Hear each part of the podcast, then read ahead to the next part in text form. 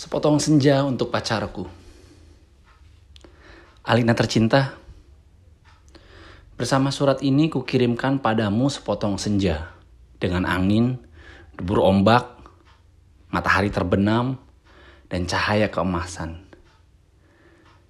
Apakah kamu menerimanya dalam keadaan lengkap? Seperti setiap senja di setiap pantai, tentu ada juga burung-burung, pasir yang basah, siluet batu karang, dan barangkali juga perahu lewat di kejauhan. Maaf, aku tidak sempat menelitinya satu persatu.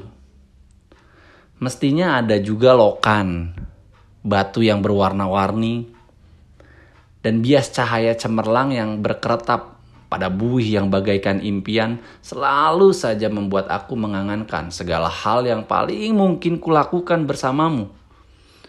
Meski aku tahu semua itu akan tetap tinggal sebagai kemungkinan yang entah kapan menjadi kenyataan.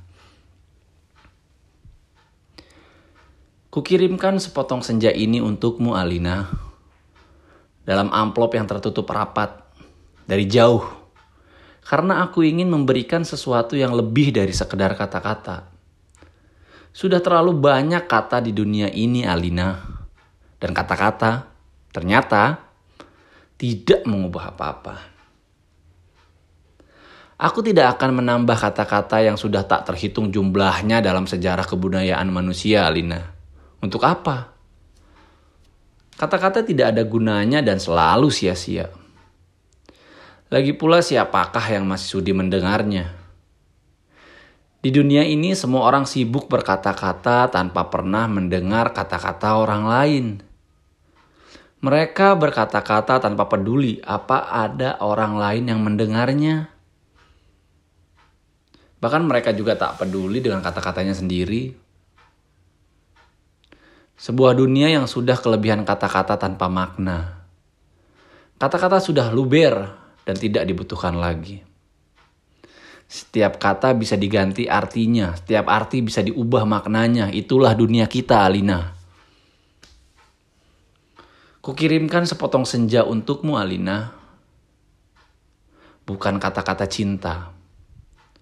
Kukirimkan padamu sepotong senja yang lembut dengan langit kemerah-merahan yang nyata dan betul-betul ada di dalam keadaan yang sama seperti ketika aku mengambilnya saat matahari hampir tenggelam di balik cakrawala.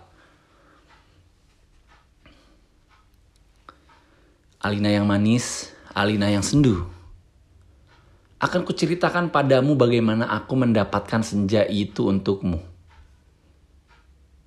Sore itu aku duduk seorang diri di tepi pantai. Memandang dunia yang terdiri dari waktu. Memandang bagaimana ruang dan waktu bersekutu.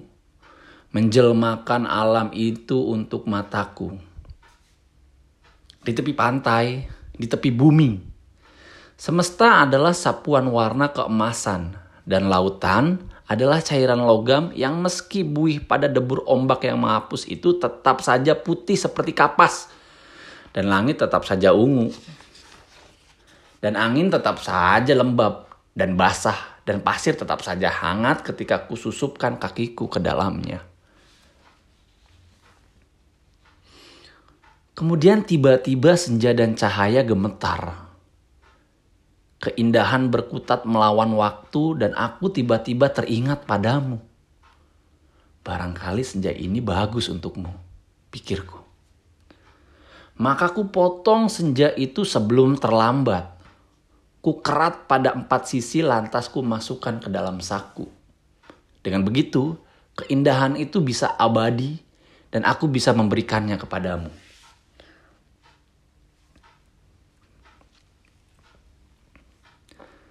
Setelah itu, aku berjalan pulang dengan perasaan senang. Aku tahu kamu akan menyukainya karena aku tahu itulah senja yang selalu kamu bayangkan untuk kita. Aku tahu kamu selalu membayangkan hari libur yang panjang, perjalanan yang jauh, dan barangkali sepasang kursi malas pada sepotong senja di sebuah pantai di mana kita akan bercakap-cakap sembari memandang langit sambil berangan-angan sambil bertanya-tanya apakah semua ini memang benar-benar telah terjadi, kini senja itu bisa kamu bawa ke mana-mana. Ketika aku meninggalkan pantai itu, kulihat orang-orang datang berbondong-bondong. Ternyata mereka menjadi gempar karena senja telah hilang. Kulihat cakrawala itu berlubang sebesar kartu pos. Alina sayang, semua ini telah terjadi dan kejadiannya akan tetap seperti itu. Aku telah sampai ke mobil ketika di antara kerumunan itu kulihat seseorang menunjuk-nunjuk ke arahku. Dia yang mengambil senja itu. Saya lihat dia mengambil senja itu.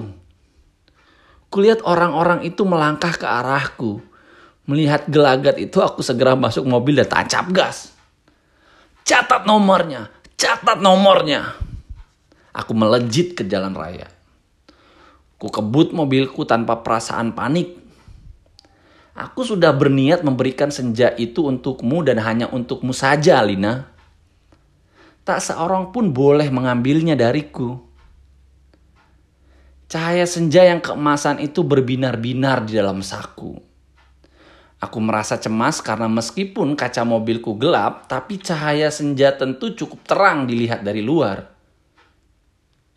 Dan ternyata cahaya senja itu memang menembus segenap celah dalam mobilku. Sehingga mobilku itu meluncur dengan cahaya cemerlang ke aspal maupun ke angkasa.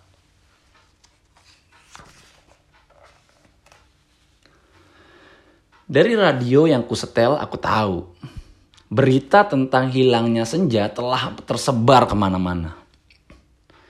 Dari televisi dalam mobil bahkan kulihat potretku sudah terpampang. Aduh, baru hilang satu senja saja sudah paniknya seperti itu.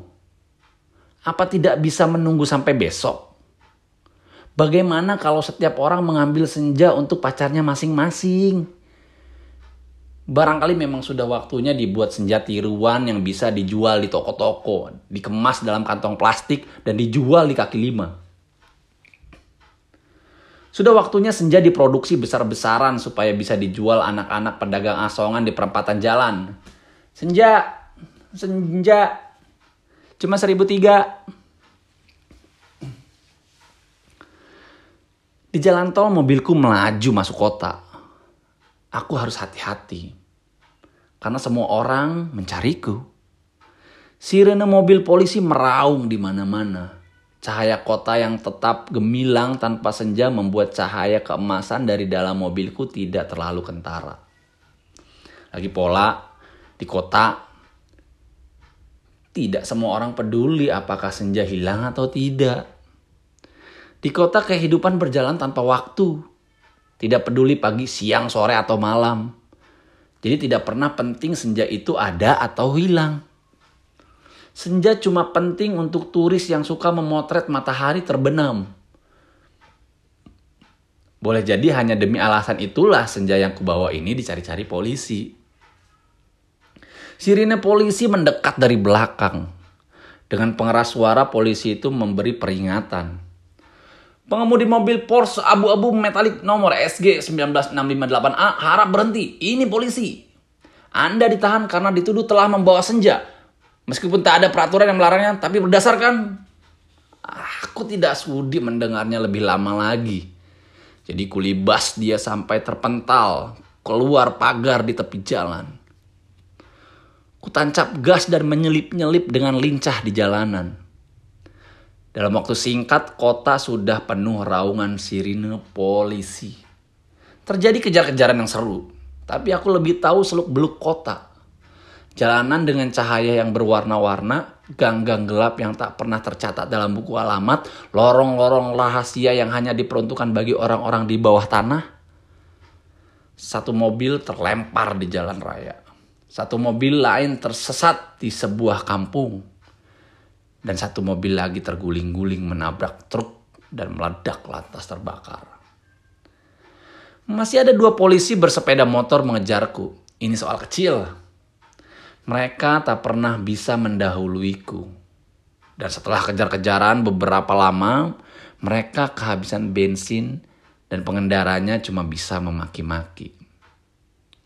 Kulihat senja dalam saku bajuku, masih utuh. Angin berdesir Langit semburat ungu, debur ombak menghempas ke pantai. Hanya padamulah senja ini kuserahkan Alina. Tapi Alina, polisi ternyata tidak sekonyol yang kusangka. Di sekedap sudut kota mereka telah siap siaga. Bahkan aku tak bisa membeli makanan untuk mengisi perutku. Bahkan di langit tanpa senja helikopter mereka menyorot lampu ke setiap celah gedung bertingkat. Aku tersudut dan akhirnya nyaris tertangkap. Kalau saja tidak ada gorong-gorong yang terbuka. Mobilku sudah ketinggal ketika memasuki daerah kumuh itu. Aku berlari di antara gudang, rumah tua, tiang, serta temali. Terjatuh di atas sampah merayapi tangga-tangga reot. Sampai seseorang gelandangan menuntunku ke suatu tempat yang tak akan pernah kulupakan dalam hidupku. Masuklah Katanya tenang. Di situ kamu aman. Ia menunjuk gorong-gorong yang terbuka itu. Ada tikus keluar dari sana, baunya bacin dan pesing. Ku tengok ke bawah, kulihat kelelawar menggantung. Aku ragu-ragu. Namun deru helikopter dengan lampu sorotnya yang mencari-cari itu menyelenyapkan keraguanku. Masuklah, kamu tidak punya pilihan lain. Dan gelandang itu mendorongku. Aku terjerembab, jatuh, bau busuknya bukan main. Gorong-gorong itu segera tertutup dan kudengar gelandangan itu merebahkan diri di atasnya. Lampu sorot helikopter menembus celah gorong-gorong tapi tak cukup untuk melihatku. Kuraba senja dalam kantongku. Cahayanya yang merah keemasan membuat aku bisa melihat dalam kegelapan. Aku melangkah dalam gorong-gorong yang rupanya cukup tinggi juga. Kusibakan kelelawar-kelelawar bergantungan yang entah mati entah hidup itu. Kulihat cahaya putih di ujung gorong-gorong. Air busuk mengalir setinggi lutut, namun makin ke dalam makin surut. Di tempat yang kering kulihat anak-anak gelandangan duduk-duduk maupun tidur-tiduran. Mereka berserakan memeluk rebana dengan mata yang tidak memancarkan kebahagiaan.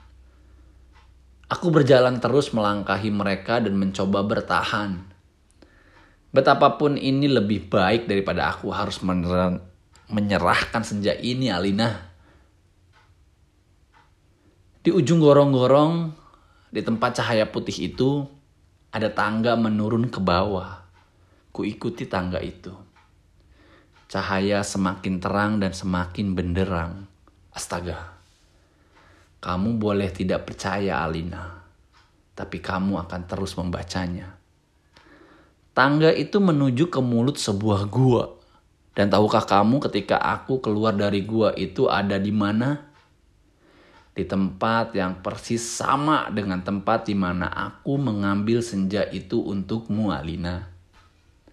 Sebuah pantai dengan senja yang bagus, ombak, angin, dan kepak burung. Tak lupa cahaya kemasan dan bias ungu pada mega-mega yang berarak bagaikan aliran mimpi.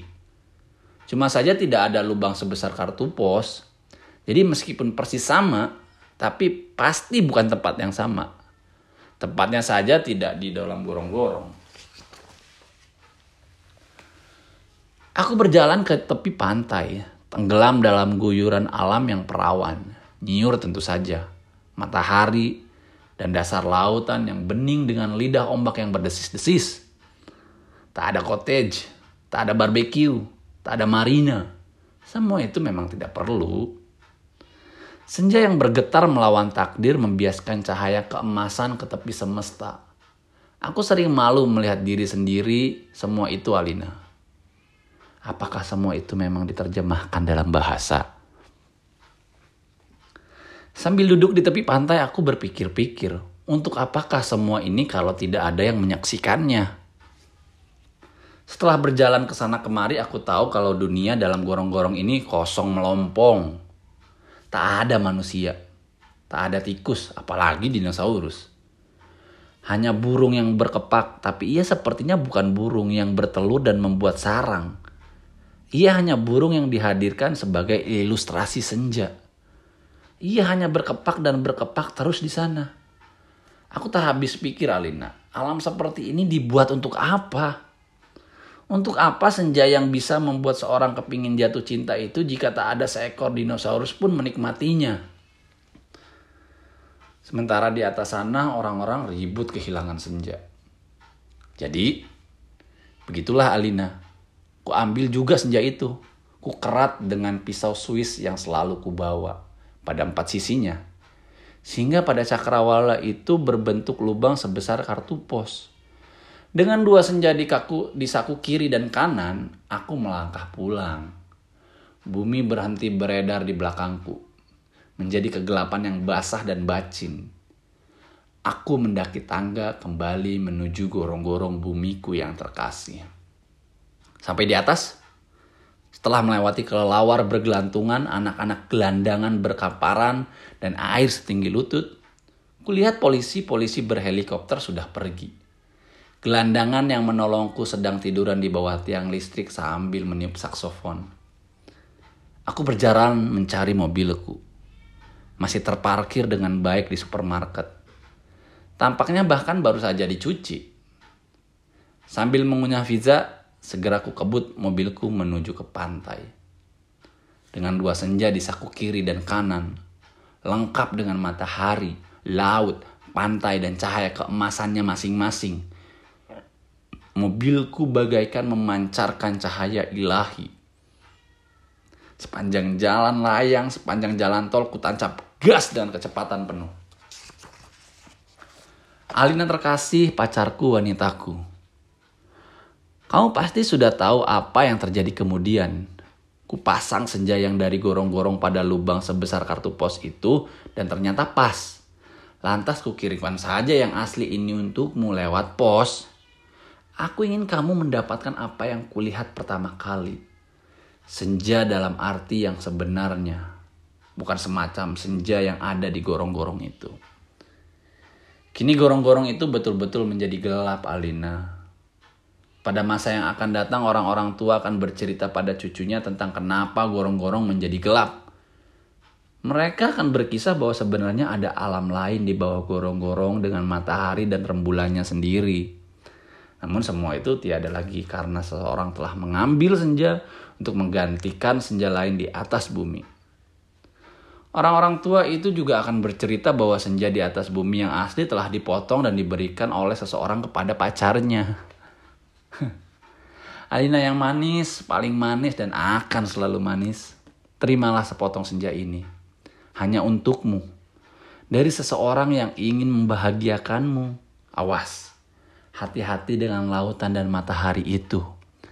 Salah-salah cahayanya membakar langit dan kalau tumpah airnya bisa membanjiri permukaan bumi.